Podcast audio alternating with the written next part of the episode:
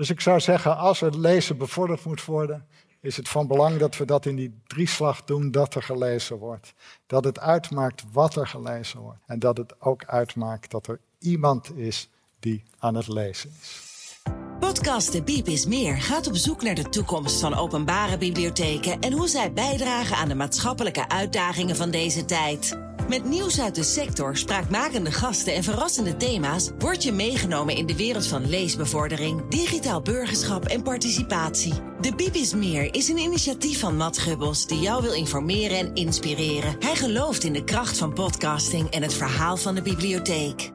Welkom bij deze aflevering met deze keer een verslag van Lezen Centraal, het jaarlijkse congres van Stichting Lezen. Lezen Centraal, de naam zegt het al. Het gaat over lezen van toen, nu en in de toekomst. In de ochtend werd in het bijzonder de balans opgemaakt na 35 jaar leesbevordering in Nederland, met veel onderzoek en cijfers. Smiddags ging het vooral over de toekomst en stond de vraag centraal hoe we jeugd en jongeren weer aan het lezen kunnen krijgen. Dit is de eerste aflevering in een reeks over het congres Lezen Centraal, met een impressie van een deel van het ochtendprogramma. Het dagvoorzitterschap was in handen van iemand die zelf ook heel veel met lezen heeft. Ze stelt zichzelf eerst even aan je voor. Mijn naam is Amber Kortzorg. Ik ben presentator bij BNN-Vara. Misschien zullen jullie mij herkennen van het consumentenprogramma Kassa. En vandaag ben ik jullie dagvoorzitter. En daarop zei ik meteen ja. Ik doe dit eigenlijk niet zo vaak van die dagvoorzitterschappen. Maar lezen heeft voor mij heel erg veel betekend in mijn vroege jeugd. En wat dat meisje net zei, het verdwalen in een boek, daar sloeg ik heel erg op aan.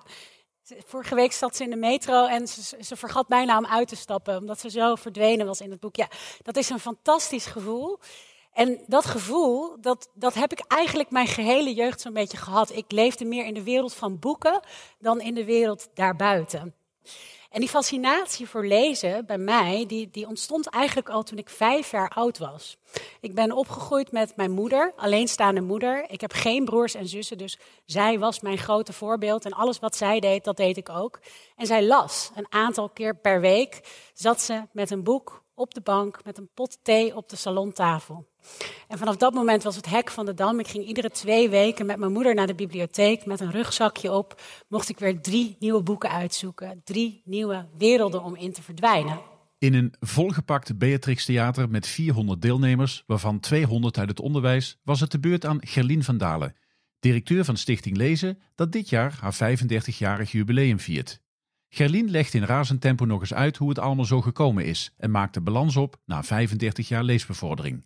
Daarna is het de beurt aan hoogleraar Gert Biesta, die met zijn prikkelende bijdrage aangeeft wat er mis is met de term basisvaardigheden. Na zijn bijdrage kom ik nog terug met een aantal interviews. In die 35 jaar is er hard gewerkt en is er veel bereikt. Maar tegelijkertijd moeten we vaststellen dat er nog veel moet gebeuren. Dat is niet aan Stichting Lezen te wijten, maar aan veranderingen in het onderwijs, in de maatschappij en de techniek. Stichting Lezen is in 1988 opgericht. En het is niet toevallig dat er juist in de jaren 80 veel aandacht voor leesbevordering bestond. Er waren toen allerlei tijdsbestedingsonderzoeken waaruit bleek dat de dalende trend in het lezen enorm was. Um, in 1976 las iemand van 12 jaar of ouder gemiddeld nog 6,1 uur per week. En in 1985 was dat 5,3. En als je die statistieken ziet, dan is het een duidelijk dalende trend een reden om daar goed aandacht aan te besteden. En daar waren de overheid en het boekenvak het over eens. Het boekenvak voegde de daad bij het woord. De Boekverkopersbond was aanjager. En uitgevers en bibliotheken en het boekenvak richtten in 1988 Stichting Lezen op en ze bundelden de krachten. Eh, de kerstverse voorzitter van Stichting Lezen, Dick Reumer, sprak op het congres Leesbevordering overdaad of noodzaak. Nou, ik weet het antwoord wel. Uh, in 1987. Uh, hij sprak de wijze woorden dat leesbevordering afhankelijk is van een stevig netwerk van boekhandels en bibliotheken. En dat die boekhandels en bibliotheken professioneel moeten samenwerken met het onderwijs en lokale culturele voorzieningen. En zo geschiedde en Stichting Lezen begon op een zolderkamer bij de CPMB. De brede missie van Stichting Lezen, het bevorderen van de leescultuur in Nederland, werd onder andere nagestreefd door ondersteuning van leesbevorderingsactiviteiten en het stimuleren van samenwerking tussen bibliotheken en boekhandels. In 1994 werd Stichting Lezen op advies van de Raad voor de Kunst door het ministerie van OCW aangewezen als landelijk platform voor leesbevordering. Tien jaar later ontwikkelde de stichting zich tot een kenniscentrum voor literatuureducatie en leesbevordering. En weer vijf jaar later, in 2009, werd Stichting Lezen onderdeel van de landelijke culturele basisinfrastructuur. Nou, in die 35 jaar heeft Stichting Lezen zich ontwikkeld van een organisatie met aanvankelijke oriëntatie op losse projecten en experimenten, tot een organisatie gericht op een onderbouwde en structurele aanpak van leesbevordering en literatuureducatie. Sinds 2005 is er de doorgaande leeslijn, de visie van waaruit we werken. De uitdaging is om kinderen van jongs af aan, aansluitend bij hun leesontwikkeling, letterlijk vanaf nul, ononderbroken en op een goede manier met lezen in aanraking te brengen. Onze activiteiten zijn daarop gericht en we proberen ook anderen daartoe te brengen. Het kenniscentrum van Stichting Lezen bewijst inmiddels ook zijn waarde. Kennis over lezen en over het belang van lezen rechtvaardigt ook de noodzaak van leesbevordering. We weten wat werkt en zetten er fors op in die kennis in de praktijk te brengen en te verwerken in publicaties, in programma's, in scholingen en campagnes. Naast de doorgaande leeslijn als uitgangspunt werken we ook aan de randvoorwaarden voor leesbevordering. Een structurele aanpak via de programma's Boekstart en de bibliotheek op school. Met de bibliotheek op school bereiken we inmiddels meer dan de helft van de basisscholen. En met Boekstart in de kinderopvang meer dan 40% van de kinderopvanginstellingen, zo'n 180.000 kinderen. En met het masterplan basisvaardigheden, wat vorig jaar gestart is, hebben we een flinke financiële impuls gekregen, waarmee we ook de programma's verder kunnen uitbreiden en een impuls geven. En dit gezegd hebben, wil ik ook op deze plaats heel nadrukkelijk bedanken voor alle inspanningen die in Den Haag vanuit de Raad voor Cultuur, de Onderwijsraad, het ministerie en ook de politiek, uh, inspanningen die zijn geleverd om dit werk, de leesbevordering en de structurele aanpak te ondersteunen. En dat ondersteunen was nodig in 1988, is nodig nu en zal ook de komende jaren nog zeer nodig blijven.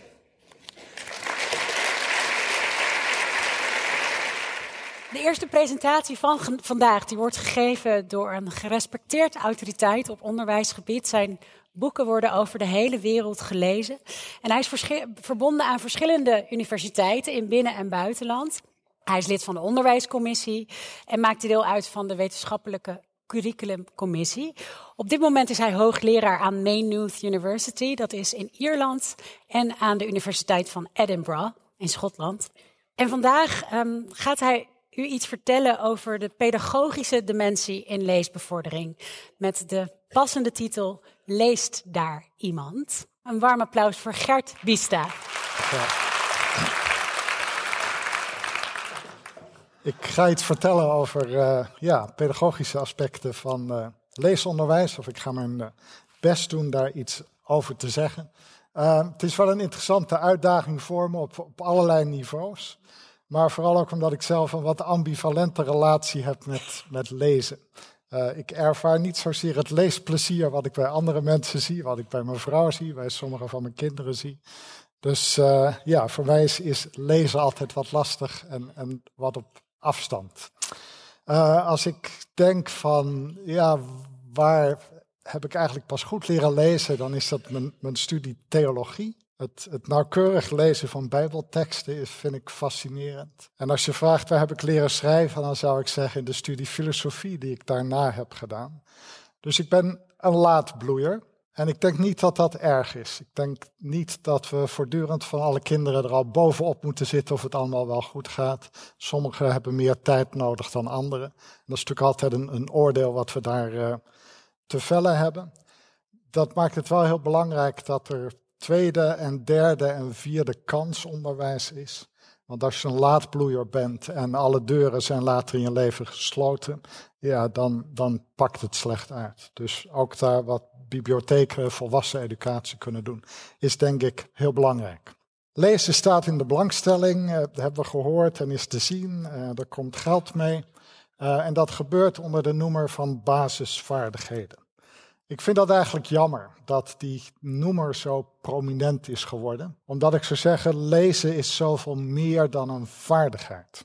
Philippe Merieux, Franse pedagoog die ik graag lees, die zegt heel mooi, lezen is eigenlijk een combinatie van competentie, je moet natuurlijk wat kunnen, en cultuur en project. Lezen is een wereld, lezen is een universum. De talige wereld is een hele andere wereld dan de, de wereld van de beelden. En met het idee van project zegt Merieu ook, we kunnen met de taal dingen doen. Het is niet zomaar iets. Het maakt dingen mogelijk, het maakt prachtige dingen mogelijk. Het maakt ook afschuwelijke dingen mogelijk. Denk alleen maar aan alle taal die Donald Trump op Twitter steeds weer uh, uitstort. Dat is ook taal. Dus sowieso denk ik dat we een mooier en beter en, en rijker woord nodig hebben dan basisvaardigheden. Ik vind ook het woord basis altijd wat, wat lastig. Het heeft iets populistisch. Overal in de wereld hoor je politici steeds zeggen: we moeten back to basics, we moeten de basis op orde hebben. En daar kun je eigenlijk heel moeilijk tegen zijn. Dus het, het verlamt ook heel snel het debat. Maar de echte vraag is natuurlijk: wat is fundamenteel? Wat is fundamenteel in het leven? Wat is fundamenteel in het onderwijs? En daar zou ik niet onmiddellijk gaan spreken over vaardigheden. Die vraag van waarom hebben we eigenlijk onderwijs? Wat staat centraal in het onderwijs? Wat is de opdracht van het onderwijs? Daar zijn in de loop van de geschiedenis hele mooie en indrukwekkende antwoorden naar boven gekomen. Ik ga met, met reuze stappen daar even doorheen. In het oude Griekenland, waar we toch vaak ook naar terugverwijzen in, in onze samenleving, was onderwijs vooral bedoeld om vrije mannen de kans te geven zich te ontwikkelen en te perfectioneren. Daar zie je iets moois, beter worden door onderwijs. Je ziet er ook een probleem, want dit is elitair onderwijs. Ja, mannen die tijd over hebben, ja, die, die krijgen onderwijs. Dat perfectioneren in de Griekse context is overigens niet individueel, maar wordt vooral begrepen in termen van burgerschap. Hoe kun je zo goed mogelijke burger worden? Dus een interessant thema, maar, maar voor een hele kleine club. Geen vrouwen, geen slaven, geen arbeiders. De reformatie is een andere, heel bijzondere stap, waarbij je kunt zeggen op het moment dat de Bijbel een boek wordt wat iedereen mag lezen, komt de vraag op hoe kunnen we ervoor zorgen dat iedereen zelf kan lezen. En dat is een heel urgente vraag, omdat dat ook te maken heeft, je kunt zeggen, met je zielenheil en je kans op eeuwig leven. Er staat, daar staat behoorlijk wat op het spel. Daar komt eigenlijk lezen als een heel bijzonder thema centraal te staan in het onderwijs. In de verlichting, als het rommelt in de wereld, als, als koppen van koningen vallen en mensen de straat op gaan, komt er een hele andere vraag naar boven. Want als het niet meer de, de koning is die je vertelt wat je moet doen, komt er de uitdaging om zelf te denken, zelf tot een oordeel te komen. Dat is niet zozeer een, een vaardigheid, maar je zou kunnen zeggen dat vraagt moed om zelf te spreken. Onderwijs als aanmoediging. En dan kun je zeggen, het duurt meer dan twee eeuwen voordat er eindelijk in sommige plekken een besef doordringt dat onderwijs iets is voor iedereen. En langzaam het idee opkomt van, ja, iedereen heeft recht op onderwijs, kans op onderwijs, gelijke kansen. En nog steeds op veel plekken in de wereld denk aan Afghanistan, is dat helemaal niet vanzelfsprekend. En dan 2023. Wat zijn de, de grote ideeën, de prachtige idealen die in het onderwijsgesprek rondzingen? Als ik de kranten opsla of op andere plekken lees, hoor ik nogal veel dit soort geluiden. Het gaat er vooral om dat we hoog scoren in PISA, dat ons land zo goed wordt als, en dan wordt er altijd naar allerlei andere uh, landen gewezen. En er wordt veel gesproken over statistieken en posities en hoe we concurreren en alles moet maar omhoog en, en krachtiger. En eigenlijk vind ik dat een beetje een, een teleurstellend beeld als je ziet wat voor prachtige en belangrijke idealen er in de geschiedenis naar boven zijn gekomen. Soms, in mijn wat sombere momenten, denk ik, is het onderwijs het spoor bijster. Hebben we het nog wel over de dingen die echt belangrijk zijn? Of zijn we zo afgeleid door al die statistieken en cijfers die steeds maar weer binnenkomen? Het is heel moeilijk, zou kunnen zeggen, om daar nuchter uh, in te blijven. Je zou natuurlijk ook kunnen afvragen, ja, het feit dat er om de zoveel eeuwen weer een ander thema centraal komt te staan. Uh, betekent dat, dat dat al die ambities die we hebben voor het onderwijs, dat die relatief zijn? Dat het er maar net van afhangt van ja, wie wat wil.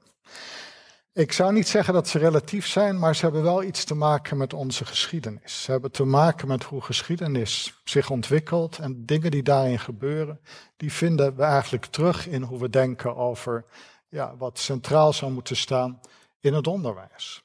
Dus daar komt een, een belangrijke vraag naar boven. Als we het hebben over onderwijs en wat we daarmee moeten en willen, dan is er de vraag welke momenten in onze geschiedenis vinden we eigenlijk belangrijk om ons toe te verhouden.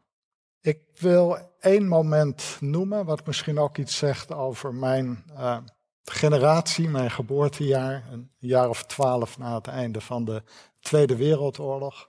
Maar ik kom vaak terug bij een essay van een Duitse filosoof, Theo Adorno, Erziehung nach Auschwitz.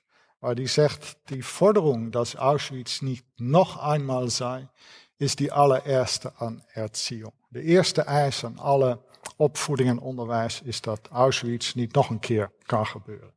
En het is interessant, hij, hij zegt, ja, dit is eigenlijk zo evident dat ik niet snap dat ik dat moet zeggen.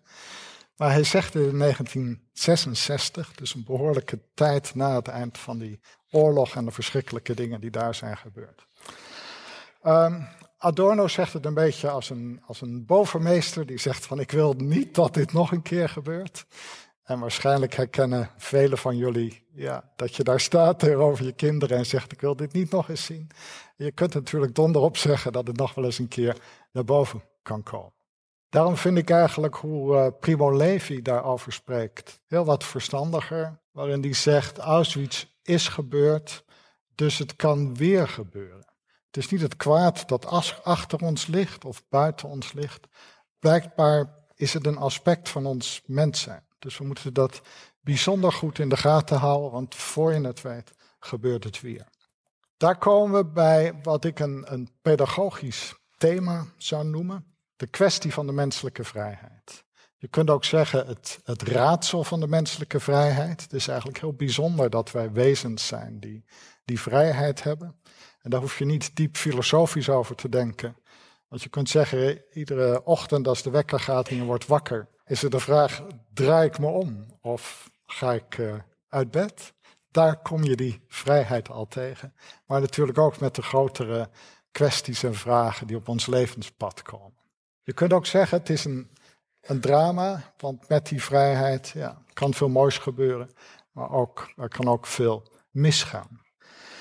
Rousseau is eigenlijk een van de eerste pedagogische auteurs die zegt vrijheid, dat is het centrale thema voor de pedagogiek, het centrale thema voor opvoeding en onderwijs.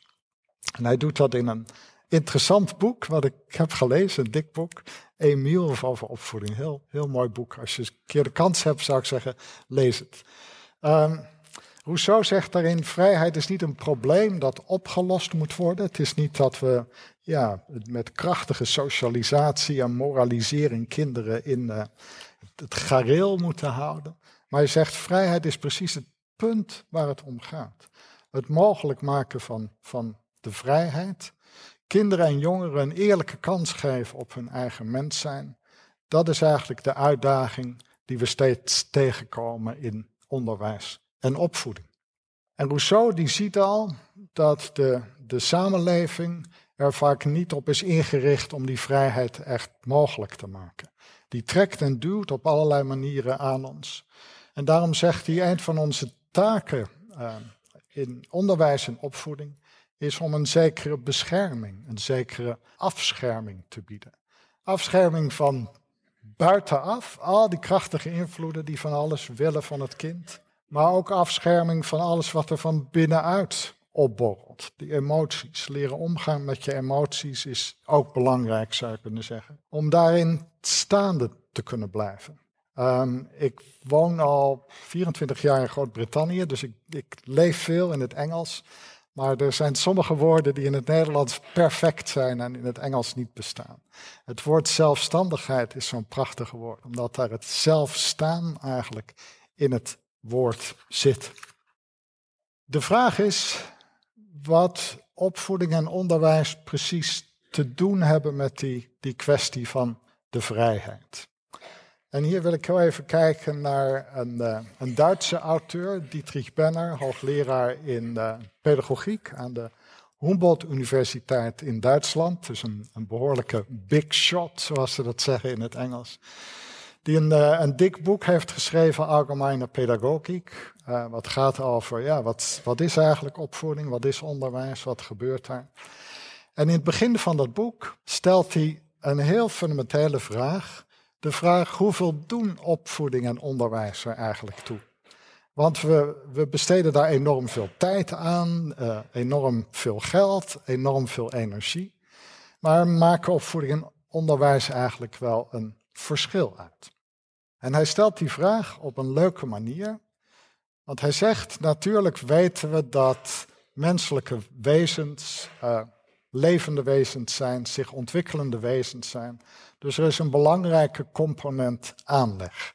Ja, sommige mensen hebben aanleg voor voetballen, ik niet. Anderen hebben aanleg voor muziek.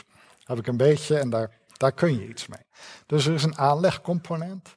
We weten ook dat de sociale omgeving bijzonder grote invloed heeft op hoe we worden, hoe we ons ontwikkelen. Ik ben nog steeds jaloers op onze kinderen, die uh, toen we naar Engeland verhuisden, binnen drie maanden perfect Engels konden spreken zonder enige lessen, gewoon door in die omgeving te zijn. Dus die omgeving doet veel. En dan vraagt Benner, en hoe zit het dan met educatie? Wat is de bijdrage daarvan in vergelijking met die andere twee? En daar kunnen we mee spelen. We kunnen zeggen, nou, het zou, het zou eerlijk zijn als we ieder een derde kunnen claimen. Maar zo zit de wereld natuurlijk niet in elkaar. En kijk je naar de opvatting hierover, dan zijn er momenten dat mensen zeggen, die omgeving is eigenlijk heel erg belangrijk. Er zijn andere momenten dat mensen zeggen, eigenlijk zit er enorm veel in de aanleg. En er is onderzoek dat daar heel hard op duwt en zegt het is 98% genetisch. En in de marge kunnen we daar misschien nog iets aan rommelen. Als je dat in Amsterdam Noord te horen krijgt, dan denk ik dat dat heel onrechtvaardig klinkt. Benner geeft een opmerkelijk antwoord op zijn eigen vraag. En voordat ik dat, uh, dat antwoord met jullie deel, uh, laat ik even twee hele kleine anekdotes langskomen. Dit is uh, Rosa Parks, die in 1954 op de bus stapte in Montgomery, Alabama. En in die bus zaten allemaal bordjes White Forward, Colored Rear. En toen Rosa Parks werd gevraagd om uh, achter in de bus te gaan, bleef ze zitten, weigerde ze dat te doen, werd ze gearresteerd en dat is de foto van de arrestatie. Als je je wereldbeeld, je universum, eigenlijk helemaal vol zit, zal ik maar zeggen, met, met leesprestaties of PISA of basisvaardigheden, dan zou je kunnen zeggen, hé, hey, hier is een probleem, want er is een hele duidelijke boodschap en Rosa Parks reageert niet op de boodschap. Dus zij mist de basisvaardigheid, ze kan niet lezen. Onderwijs gefaald. Hier is het tweede plaatje. Dit is Adolf Eichmann, die er eerder zo uitzat. Verantwoordelijk voor de logistiek van de concentratiekampen naar Zuid-Amerika gevlucht. Begin jaren 60 door de Israëlische geheime dienst ontvoerd en in Jeruzalem voor de rechtbank gebracht. Heel complex, interessant verhaal. Maar één ding dat daarin saillant is, is dat toen Eichmann werd gevraagd: Eichmann, ben je verantwoordelijk voor de consequenties van wat je hebt gedaan? Dat hij zei: Nee, ik ben niet verantwoordelijk. Want ik heb de bevelen van mijn meerdere opgevolgd en ik heb me gedragen volgens de regels en de waarden van de samenleving. Basisvaardigheid burgerschap, onderwijs geslaagd. Hier hebben we de ideale burger die precies begrijpt wat alle regels van de samenleving zijn en waar die zich aan te houden heeft. Dan klopt natuurlijk iets niet en dat brengt me terug bij Benner, die op die vraag wat is die bijdrage van de educatie vergeleken met aanleg en omgeving dit zegt. Dat we kunnen verschillen van mening over de percentages, maar dat aanleg en omgeving samen altijd 100% zijn. En de eerste keer dat ik dat las, was ik verbaasd, want ik dacht, hier is een hoogleraar pedagogiek en die lijkt het onderwijs en de opvoeding buiten de deur te zetten. Uh, ik dacht eerst van, nou, het is al laat, ik moet morgenochtend nog maar eens fris lezen. Toen dacht ik van, hmm, misschien is mijn Duits toch niet zo goed als ik had gedacht. Maar dit, dit staat er echt. Het punt wat Benner maakt is dat hij zegt, natuurlijk zijn we het product van een combinatie van aanleg en omgeving en dat pakt bij iedereen anders uit. Maar als opvoeders, als educatoren zijn we geïnteresseerd in een andere vraag. De vraag hoe uit die mix een ik naar voren kan stappen. En dat is een vraag van een hele andere orde dan de vraag van ontwikkeling en omgeving. En dat, zegt Benner, is de eigen vraag van de pedagogiek. Dat is niet de discussie over hoe al die factoren uitpakken. Dat is niet onbelangrijk, maar daar stopt het niet.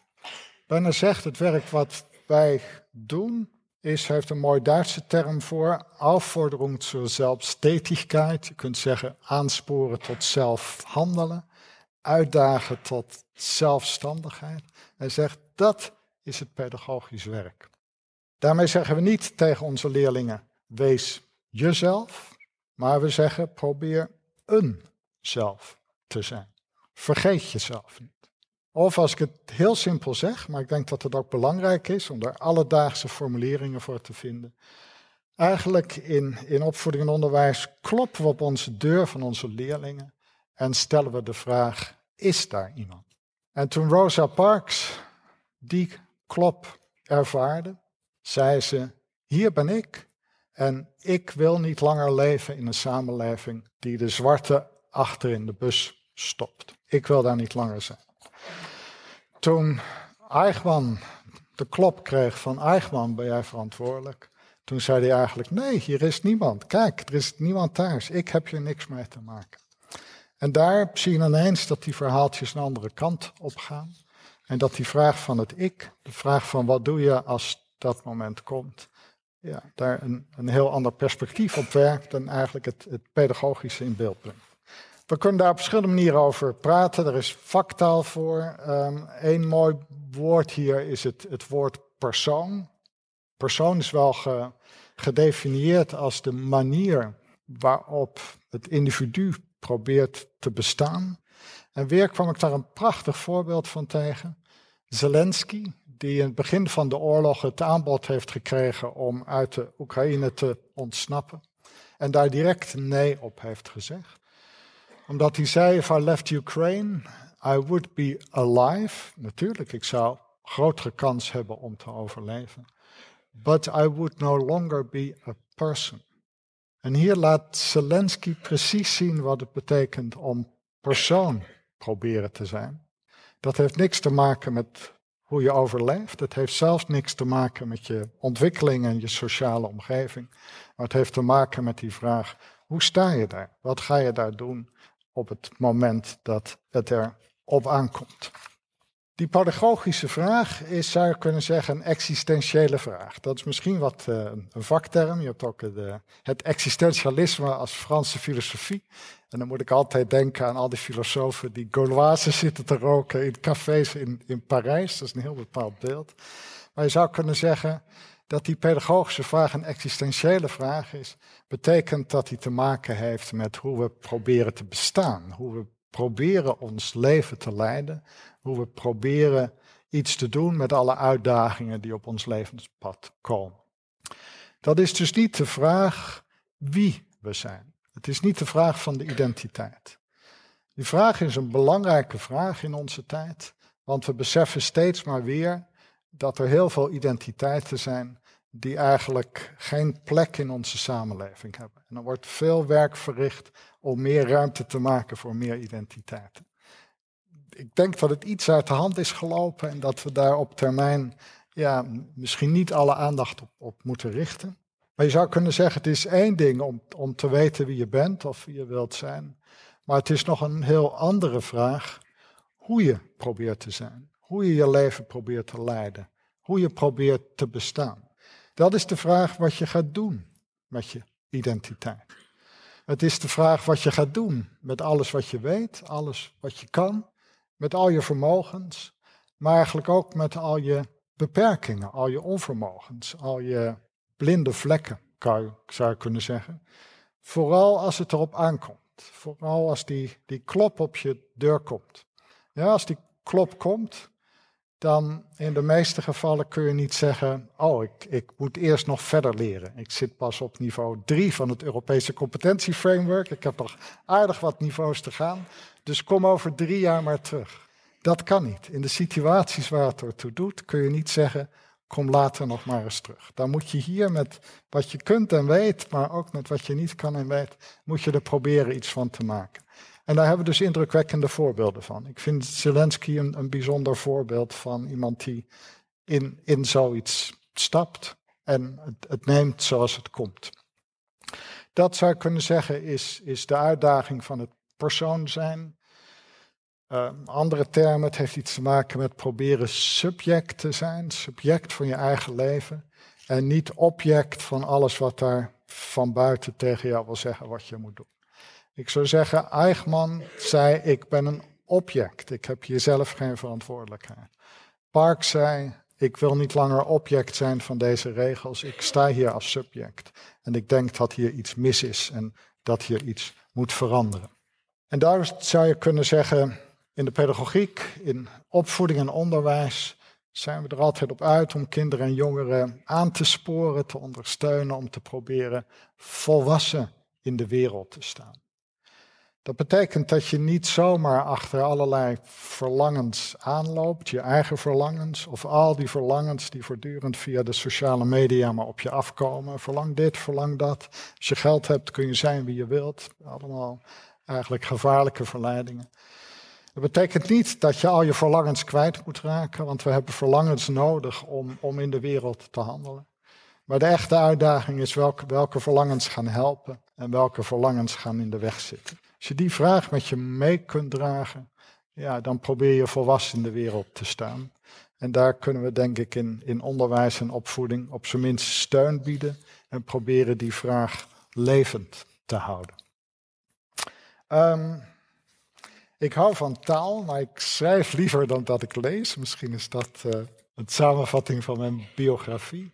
Dit heeft iets te maken met uh, ja, het appellerende van het onderwijs. Want je kunt zeggen, die vraag van het persoon zijn, die komt eigenlijk pas aan de orde, die komt in het spel als we een appel tegenkomen. Die klop op de deur. En soms staat er echt iemand hard te kloppen, ik heb je hulp nodig. Maar dat appel van de wereld komt ook op allerlei andere manieren binnen. De milieuproblematiek is eigenlijk het appel waar de planeet tegen ons zegt: stop met alleen maar alles uit me te halen, begin voor me te zorgen. Dus dat appel komt van veel kanten op veel verschillende manieren. Waar dat appel eigenlijk nooit van zou moeten komen, is van de leraar. Want voor je dat weet is dat de leraar die zegt, voel je niet dit of je, je moet dat. En dat is een leraar die geen ruimte biedt voor de, de eigen vrijheid van het kind. Maar wat we mooi doen in het onderwijs is dat we eigenlijk steeds dingen op tafel leggen, situaties, mogelijkheden voor onze leerlingen creëren. Dat kun je curriculum noemen. En dat we in het onderwijs leerlingen daarop proberen te wijzen. Van, kijk eens daar, daar is een boek. Dat ziet er misschien niet al te aantrekkelijk uit. Sommige boeken zien er te leuk, leuk uit, denk ik. Die willen te graag. Uh, soms helpt dat, uh, maar soms ziet het ook niet helemaal fantastisch uit. Als je dan zegt, ja, ga daar eens heen, leerling. Besteed daar eens aandacht aan. Zet je daarmee uiteen. Weer is het prachtig dat we in, in het Nederlands de woorden onderwijs en onderwijzen hebben. Je kunt zeggen, dat is het fundamentele gebaar wat we daar doen. We wijzen onze leerlingen op mogelijkheden en we nodigen ze uit om, om zich daar mee uiteen te zetten, daarin te stappen. Daarmee wil ik zeggen dat die vraag van het persoon zijn eigenlijk in het hart van het curriculum zit. Dit is niet iets voor de vrijdagmiddag, dat we zeggen, nou, de hele week doen we school en op vrijdagmiddag gaan we diepe gesprekken voeren over je persoon zijn. Als we het zo doen, dan snappen leerlingen maar al te goed dat er weer een ander trucje aan hem wordt verkocht. Als we echt curriculum begrijpen als die manieren waarop we deuren naar de wereld openzetten en leerlingen uitnodigen om daarin te stappen, dan komen ze daar die vraag van hun persoon zijn tegen. Daarvoor is het wel nodig dat we daar niet ja, in termen alleen van, van leren of vaardigheden over spreken, maar proberen ook pedagogisch naar het curriculum te kijken. Dus dan gaat het om meer dan die vraag van, ja, hoe maak ik mij dit eigen of wat kan ik hier leren? Het gaat om andere vragen. En ik denk dat we in, onderwijs en opvoeding moeten proberen om die vragen ook in beeld te krijgen. Wat kom ik hier tegen?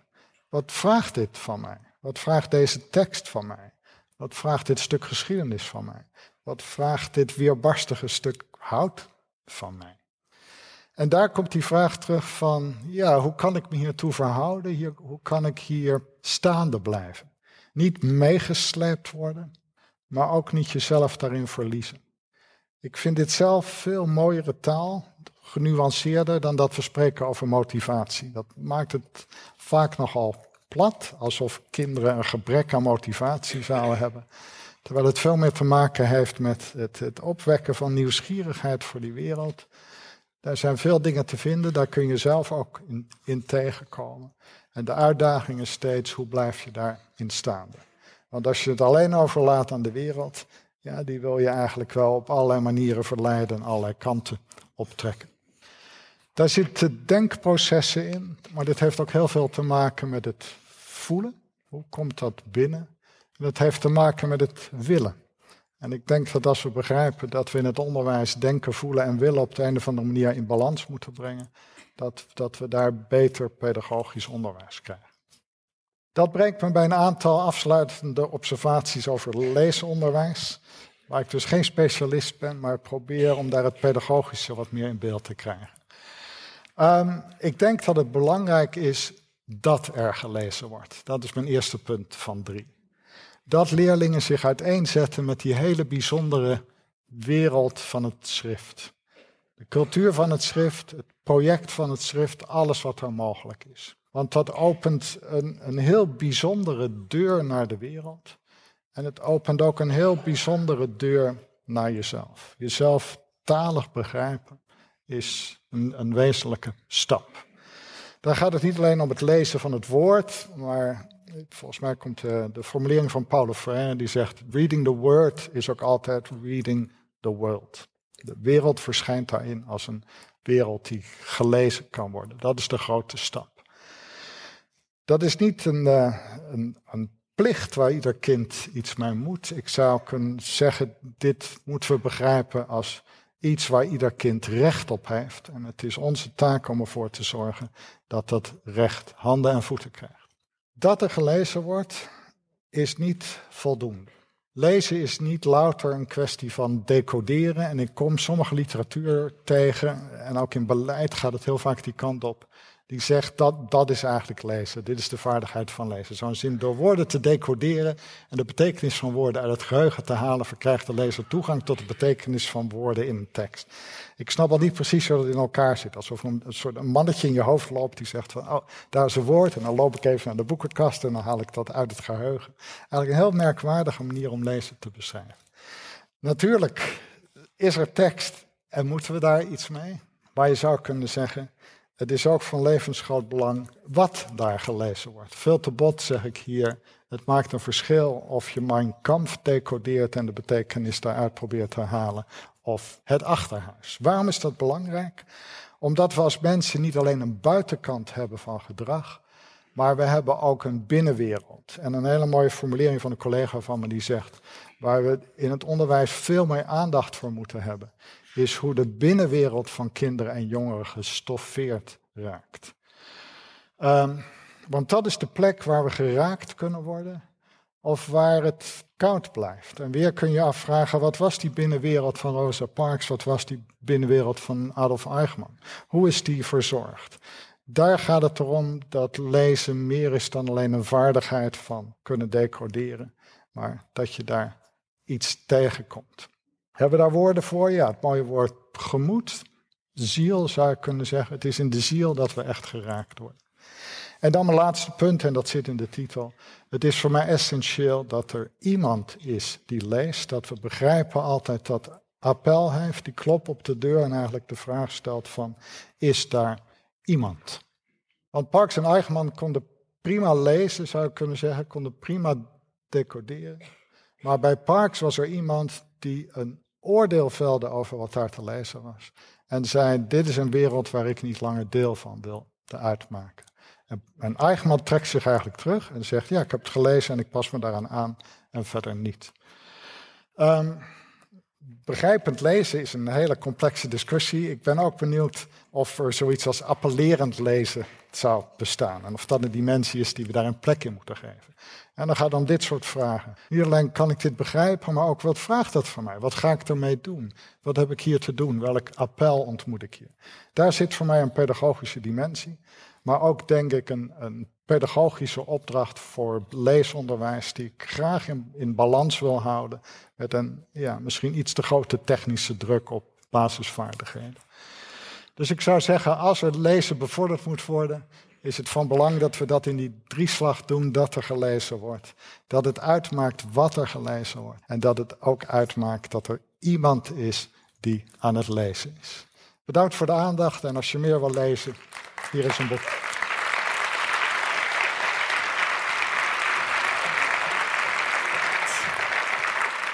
Rondom de lunchpauze sprak ik allereerst nog even door met dagvoorzitter Amber Kortzorg. Want ik was toch wel getriggerd en benieuwd naar de rest van haar verhaal. Ja, dat gevoel dat je, nou ja, bijvoorbeeld in de trein zit en het station mist. Omdat je zo gepakt bent door het verhaal wat je aan het lezen bent. Of dat gevoel wat je bekruipt als je een boek leest en ja, je boekenlezer die schuift steeds verder naar rechts. En je ziet dat het deel van het boek dat je nog te lezen hebt steeds smaller wordt. En dan bekruipt mij soms wel een gevoel van paniek. Dat ik denk, oh, ik heb steeds minder woorden om te lezen, maar ik kan ook niet stoppen, want het is zo spannend. Ja, dat is een heerlijk gevoel dat je helemaal verliest in een andere wereld. Ja. En je gaat inleven of misschien wel vereenzelvigen met personages. Ik weet nog dat ik Harry Potter las vroeger en... Nou, inmiddels heb ik de hoop laten varen, maar ik heb heel lang nog gedacht: wanneer ontvang ik zo'n brief van Zwijnstein? En is het toch allemaal waar, die toverwereld? Ja, ja. en dan zie je de films en denk je, hé, hey, het is echt waar, het lijkt nou, waar. En ik vond die films dus eigenlijk, ik weet niet hoe jij dat ervaart. Heb je ook Harry Potter gelezen? Nee, ik heb ze niet gelezen, maar ik heb Oh. later wel door mijn zoon heb ik de films eh, gekeken. Oké. En dat vond ik wel fascinerend Ja, interessant. Ja. maar ik vond het een teleurstelling. Want ik had die boeken gelezen, sommige wel drie, vier keer. En ik had een hele eigen wereld gecreëerd. Dat vind ik zo mooi van lezen. Dat je al die details, daarmee maak je een eigen universum in je hoofd. En toen zag ik die films en toen, ja, er waren hele stukken overgeslagen. En de personages zien er natuurlijk anders uit dan in jouw hoofd. Dus ik heb twee films gezien en toen ben ik gestopt. Hey Amber, van het universum van Harry Potter naar het universum van jouw vroegere jeugd. Het verhaal van jou en je moeder, maar vooral ook de buurt waarin jij opgroeide. Dat heeft ook mede gemaakt dat lezen voor jou een heel belangrijk iets is eh, geworden. Zeker. Hoe, Ja. hoe, zat dat in jouw buurt? Nou, ik ben opgegroeid in Amsterdam-Noord en ik zat op school in de Molenwijk. En dat is een achterstandswijk, zoals dat met een lelijk woord vind ik toch wel heet. Tegenwoordig heet dat Prachtwijk, hè? Een prachtwijk, ja. Ja. Of een kanswijk. Kanswijk. Ja, nou ja, goed. Maar lage letterdheid was daar best eh, veel voorkomend. En ook armoede en schulden. Dus veel van de kindjes met wie ik op straat speelde, die, ja, die hadden thuis geen boekenkast. En eh, hun ouders hadden heel andere zorgen aan hun hoofd. Dus die leesden ook helemaal niet met hun kinderen. Ehm, dus dat was de omgeving waarin ik opgroeide. Dat gold voor mij thuis niet. Mijn moeder die is onderwijzeres, heeft de PABO gedaan. Ik ben alleen met haar opgegroeid. En zij las altijd heel veel. En ook met mij. Dus ze heeft mij de waarde van boeken en lezen bijgebracht. Ehm, want dat kreeg ik niet echt op school. Mijn, mijn, middel, mijn basisschool, ja, dat was een zwakke school. Zoals dat dan door de onderwijsinspectie werd genoemd. En dat kwam denk ik ook wel omdat er dus zoveel kinderen in de klas zaten met grote problemen thuis. Ja, dan, dan kom je als leraar misschien ook helemaal niet toe aan het onderwijzen van de dingen die je zou willen onderwijzen. Jouw jeugd van vroeger, hè? de buurt waarin jij opgroeide en eh, de armoede en de schuldenproblematiek hè, die je daar eh, hè, van de zijlijn hebt eh, gezien. Heeft dat ook gemaakt dat je heel wel bewust ook zo'n programma als Kassa bent gaan presenteren? Of is dat gewoon puur toeval? Goeie vraag. Ja, ik denk dat niks toeval is in het leven, man. Nee? Nee, ik denk wel dat dat een zaadje in mij geplant heeft. Toen ik, ja, in dus de kanswijk waar ik ben opgegroeid, de achterstandswijk. eh, ik kon goed leren, dus ik, ik ging naar een andere school dan veel van mijn klasgenootjes, een gymnasium. En daar heb ik gezien dat je ook ja, een heel andere omgeving, in een heel andere omgeving kan opgroeien. Bij kinderen in de klas eh, wiens ouder advocaat waren, of chirurg, of beleidsmaker bij de overheid. En toen voelde ik wel al een soort oneerlijkheid. Dat ik dacht, jeetje, wat, wat kan dat verschillen waar je, waar je wieg staat? En ik denk dat ik wel daardoor altijd een hart heb gehad voor sociale en maatschappelijke thema's. Als je nou dit congres, hè, we zitten nu na de lunch. Als je dit congres nu bekijkt en beluistert, wat, wat zijn dan jouw, jouw eerste ja, beelden, conclusies die je trekt? Als je al die wetenschappers met al hun onderzoeken voorbij hoort komen? Ik heb een aantal interessante dingen gehoord. Eén van Gert Biestra. Dat was een uh, onderzoeker die nu aan de Universiteit van Edinburgh hoogleraar is. En die zei: Ja, het gaat niet zozeer om de leesvaardigheden of de basisvaardigheden, maar het gaat erom wie een kind leert te zijn en hoe een kind leert te zijn, met name. Dus niet zozeer de identiteit, maar meer wat ga je doen in de maatschappij. En als je weet wat je gaat doen in de maatschappij en wie je bent, dan is het ook veel leuker om daar bepaalde boeken bij te lezen. Uh, dus hij zei ook heel erg, het gaat meer om, om het creëren van de vrijheid voor een kind om zelf te ontdekken wat hij, zij wil lezen. Nou, dat vond ik wel heel mooi. Want volgens mij zijn we heel erg geënt op ja, zo goed mogelijk presteren en zo veel mogelijk toetsen en alles maar meten. En eigenlijk was een beetje de rode draad van vandaag dat we dat meten wat meer moeten loslaten. Dus dat vond ik eigenlijk wel heel fijn om te horen. Na de gebruikelijke felicitaties aan Gerlien van Dalen wilde ik toch nog even meer weten van haar over het hoe en wat achter het succes van Stichting Lezen. Maar vooral ook over de toekomst die zij voor zich ziet. Ik denk dat we, um, doordat we een goede kennisbasis onder leesbevordering hebben weten te creëren, dat uh, daardoor ook de noodzaak van leesbevordering duidelijker is geworden en ook duidelijker hoe je het kan aanpakken. Dus het is minder afhankelijk van individuele enthousiaste docenten of bibliotheekmensen. Uh, en veel meer vanuit een visie en een noodzaak, ook vanuit de maatschappelijke uh, betekenis van lezen. Hè? Dat, dat mensen daar veel meer mee kunnen werken en vanuit daar denken. Ja, en dat allemaal onderbouwd door heel veel onderzoek. Ja, onderzoek en ook Um, ja, als je niet van lezen houdt, lees je minder, lees je minder goed. En ook die spiraal kan je ook positief maken. Meer lezen, beter lezen, meer plezier daarin hebben. En daardoor ook wijzer worden en een grotere woordenschat ontwikkelen. En dat is natuurlijk essentieel voor ons als mens, als talig mens. Ja. uh, en ook om te leren. Helaas blijven jullie nodig als Stichting ja. Lezen. Hoe zie jij de situatie over 35 jaar? Dan bestaan jullie 70 jaar. Ja, het is heel moeilijk um, om in te schatten. Je zou het liefst hebben dat Stichting Lezen niet hoefde te bestaan. Um, we werken ook veel samen bijvoorbeeld met Stichting Lezen en Schrijven. Ook in een uh, gezinsaanpak, omdat we weten... Het moet thuis al beginnen eigenlijk, hè? dat kinderen voldoende kennis en woorden, kennis van de wereld en woorden kennen. Um, stel dat dat zich positief ontwikkelt. Hè? Dus dat er kinderen komen die beter voorbereid, met meer plezier en uh, en ook weten wat ze zelf willen. Dat was heel mooi in de keynote van Gert Bista hier. Dat hij zei, ja, het wordt lezer, maar het gaat eigenlijk over iemanden. De personen die die lezers zijn en wat hen beweegt om um, zich te verhouden tot boeken en tot de wereld. Nou, stel dat dat doorgaat. Dat de ontwikkeling die er nu is tussen bibliotheken en onderwijs. Hè, dat leesonderwijs echt op een goede manier wordt aangepakt.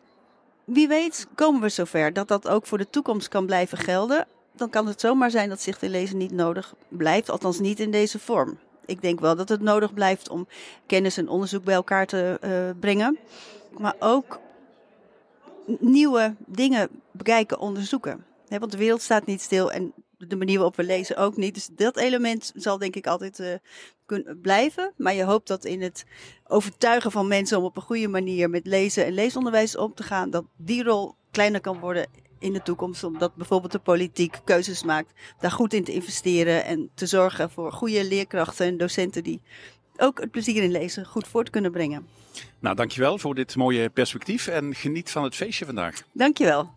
Tot slot sprak ik nog even na met Gert Bista en stelde hem de vraag of het klopt dat we ons veel te druk maken om wat wij in Nederland de leescrisis noemen. Ja, dat klopt. Uh, en dat zag, zeg ik allereerst omdat er te veel paniek is. En dat het natuurlijk heel makkelijk is om uh, ja, een crisis te creëren. Net was er ook een lezing met allemaal van die krantenkoppen. Die, ja, die kranten die springen daar ook op. Uh, en dan creëer je zoiets van ja, grote verontwaardiging. Het gaat allemaal slecht. En dan moet er krachtig ingegrepen worden. En ja, er staan natuurlijk mensen klaar die krachtig willen ingrijpen. En mijn zorg is dat dat allemaal ja, gefabriceerd is. En dat we heel snel het zicht verliezen op wat de echte problemen zijn en wat er echt wezenlijk is. Uh, en ik, ik, denk dat dat uh, ja, een probleem is. En daarom duw ik dus terug tegen dat idee van, oh, er is een gigantische crisis en er moet acuut iets gebeuren. Om te beginnen gaan er ook heel veel dingen goed in het onderwijs. Dat wil niet zeggen dat, dat alles goed gaat. Maar dat wordt ook heel vaak vergeten. De Nederlandse samenleving draait ook behoorlijk goed. Uh, op, op allerlei niveaus. Niet alleen de economie, maar ook de democratie. Mensen houden het nog redelijk goed met elkaar uit. En in andere landen zie je dat veel meer afglijden. Dus als je afvraagt van waar moeten we ons echt zorgen over maken en wat zouden we kunnen versterken, dan ja. Jij noemt in jouw verhaal een paar keer een aantal oorlogsgerelateerde situaties. Mhm. Het gaat de feiten van Eichmann tot uh, Zelensky. Ja. Waar komt dat vandaan, die fascinatie voor uh, oorlog en dit soort illustere figuren? Um, ja, deels wat ik in mijn verhaal ook zei, heeft iets met mijn generatie te maken. Als je opgroeit in, in Rotterdam, in een, in een ja, lege binnenstad, dan is die oorlog heel, heel dichtbij. Maar je kunt ook zeggen, dat zijn wel situaties waarin een aantal van die vragen ja, scherp in beeld komen. Dus als je zoiets neemt als leesvaardigheid, die term is heel veel gevallen. Als je alleen maar zegt we moeten leesvaardigheid uh, bevorderen, dan denk ik altijd, ja, dan, dan missen we iets. Want je kunt niet zeggen dat de, de bevolking in Duitsland niet kon lezen. Er zijn zelfs mensen die zeggen het was een gemiddeld hoog gecultiveerde bevolking. En toch is daar iets niet verzorgd, waardoor zo'n samenleving ineens ja, kan afglijden in het meest afschuwelijke wat we ons kunnen voorstellen. En dan vraag ik me af als pedagoog, wat is er dus niet verzorgd? En wat missen we als we alleen maar zeggen van die leesvaardigheid moet omhoog die is belangrijk. En dus niet de vraag stellen van, ja maar wat kun je allemaal lezen? Wat doet dat met je? Hoe vormt je dat? Van buiten en, en van binnen ook. Ja, als, als je een hele cultuur of samenleving hebt die eigenlijk niet meer geraakt kan worden. Die, die zomaar blind doorgaat. En ja, dan kom ik dus wel uit bij Nazi-Duitsland bijvoorbeeld. Precies omdat je daar dat merkwaardige ziet van, ja, hooggeschoold, hoog gecultiveerd. En ergens ontstaat er een, een collectieve blinde vlek. Ja. En dat wil ik begrijpen. En ook dan zeggen, als we goed leesonderwijs willen geven, moeten we proberen zicht te krijgen op wat is die blinde vlek. En daar ligt ook een taak voor goed leesonderwijs. Dus het is ook belangrijk dat je, ja, wat je ziet om kunt zetten in klank en in gesproken taal, de, de technische kant. Maar er is een andere laag die we nooit mogen vergeten. Ja.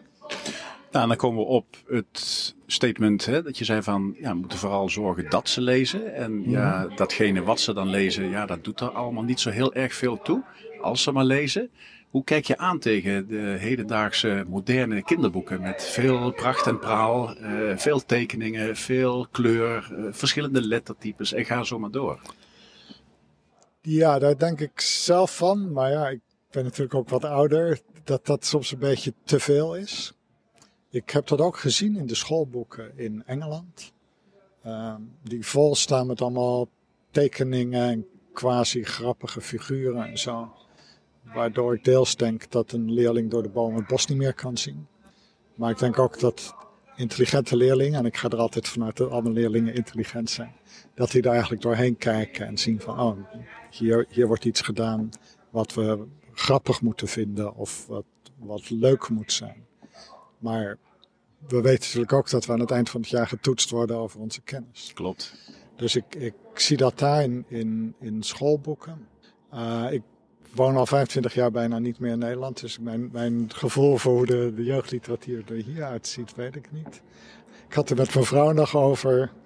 Ja, we hebben aan onze kinderen veel voorgelezen. En ik, de, de boeken van Paul Biegel bijvoorbeeld. Ja? ja blijf ik fantastisch vinden. Uh, omdat hij eigenlijk met hele korte teksten een hele wereld neer kan zetten. Waar je echt even in kunt verblijven. En dan denk ik dat is bijzonder knap. En daar heb je niet zoveel plaatjes nodig. Als het je lukt om uh, ja, in, in, in die taal, in dat verhaal te zitten. Dus voor mij hoeft het niet al te leuk te worden. Dat is ook het probleem met het internet. Dat het allemaal maar leuk en exciting moet zijn. Dan hebben we het heel veel gehad over de rol van leraren. Je hebt het gehad over appellerend lezen, maar je hebt ook de bibliotheken. Heb je heel nadrukkelijk genoemd als een mogelijk belangrijke speler nu en in de Ja. toekomst voor dat lezen. Hè? Hoe, eh, hoe zie jij die rol? Het heeft iets te maken met hoe ik naar de hele samenleving kijk. Als ik zie hoe die in elkaar steekt, bijvoorbeeld in economie, reclame, sociale media, verwijs ik vaak naar een mooi Amerikaans boek dat heet The Impulse Society. En de ondertitel in het Engels is What is wrong with getting what we want? En het boek laat zien wat er allemaal misgaat als we een samenleving creëren waar iedereen alleen maar probeert te, te graaien en te krijgen wat hij wil. En eigenlijk nooit meer de vraag stelt, ja, is wat ik denk dat ik wil, wat ik zou moeten willen. Daar zit eh, de milieuproblematiek natuurlijk groot achter. Maar ook populistische politici die, die zeggen, als je op mij stemt, dan ga ik je alles geven wat je verlangt. Dat kan natuurlijk helemaal niet. Maar dat is wel ja, een dynamiek waar, waar mensen voor vallen. Dus je zou kunnen zeggen, als we een samenleving hebben die eigenlijk alleen maar geïnteresseerd is in, in onze verlangens en meer verlangens en dat we meer kopen. Daarin hebben we rustplaatsen nodig waarin we eens eventjes ja, tot rust kunnen komen, letterlijk. Eens even afstand kunnen nemen. Eens even goed kunnen kijken van waar gaat het nou allemaal over? Wat is echt wezenlijk en wat niet? De school zou zo'n plek moeten zijn. Ik heb in ja, de lezing verwezen naar het Griekse woord school, wat vrije tijd betekent. Ja. Je kunt zeggen, ja, dat is tijd die we vrijmaken, precies om even tot rust te komen. En de wat wezenlijke vragen te stellen eh, aan elkaar, maar ook naar onszelf toe. En er zijn andere instituties die dat doen. Ik denk dat de bibliotheek ook zo'n plek is. Die zegt van, ja, als we het, de toegang tot literatuur, tot bronnen, als we het alleen maar aan de markt overlaten, ja, dan kan dat alle kanten op spatten. Daar hebben we met elkaar verantwoordelijkheid om te zeggen, nou, we moeten zorgen dat, dat er goede toegang blijft voor iedereen, ja, zonder een drempel om de, de geschreven wereld te kunnen ontmoeten. Dan gaat het zowel om de fictie, maar ook om de ja, informatie. Dus je kunt zeggen, bibliotheken zijn ook een, een heel belangrijke plek om ja, tot de rust te komen die vaak de samenleving ons niet meer biedt. Tot zover deze aflevering met deel 1 over het congres Lezen Centraal. In deel 2 komen de presentaties aan bod met de meest recente cijfers over de staat van leesbevordering in Nederland. Komende week ben ik druk met voetbal en voor een korte vakantie met mijn zoon in Dubai. Daar is ook een bibliotheek en wie weet doe ik daar volgende keer verslag van. Bedankt voor het luisteren naar deze aflevering van De Biep is Meer. Heb je zelf een mooi verhaal om te vertellen? Neem dan contact op via info.onderzoekmeteffect.nl. De Biep is Meer is een initiatief van Matt Gubbels. Hij gelooft in de kracht van podcasting en het verhaal van de bibliotheek. Graag tot een volgende keer.